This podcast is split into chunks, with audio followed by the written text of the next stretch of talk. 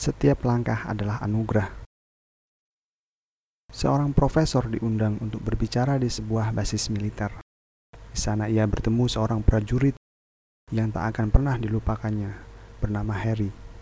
Harry yang dikirim untuk menjemput profesor di bandara. Setelah saling memperkenalkan diri, mereka menuju ke tempat pengambilan koper. Ketika berjalan keluar, Harry sering menghilang. Banyak hal yang dilakukannya, ia membantu seorang wanita tua yang kopernya jatuh. Kemudian, mengangkut anak kecil agar dapat melihat pemandangan.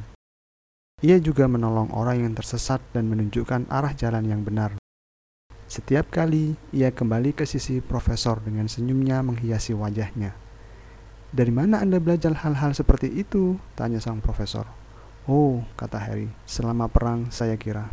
Lalu ia menuturkan kisah perjalanan tugasnya di Vietnam juga saat tugasnya membersihkan ladang ranjau, dan bagaimana ia harus menyaksikan satu persatu temannya tewas terkena ledakan ranjau di depan matanya.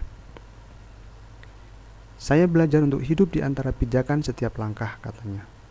Saya tak pernah tahu apakah langkah selanjutnya merupakan pijakan terakhir, sehingga saya belajar untuk melakukan segala sesuatu yang sanggup saya lakukan tatkala mengangkat dan memijakan kaki. Setiap langkah yang saya ayunkan merupakan dunia baru, dan saya kira saat itulah saya menjalani kehidupan seperti ini. Kelimpahan hidup tidak dapat ditentukan dengan berapa lama kita hidup, tetapi sejauh mana kita menjalani kehidupan yang berkualitas.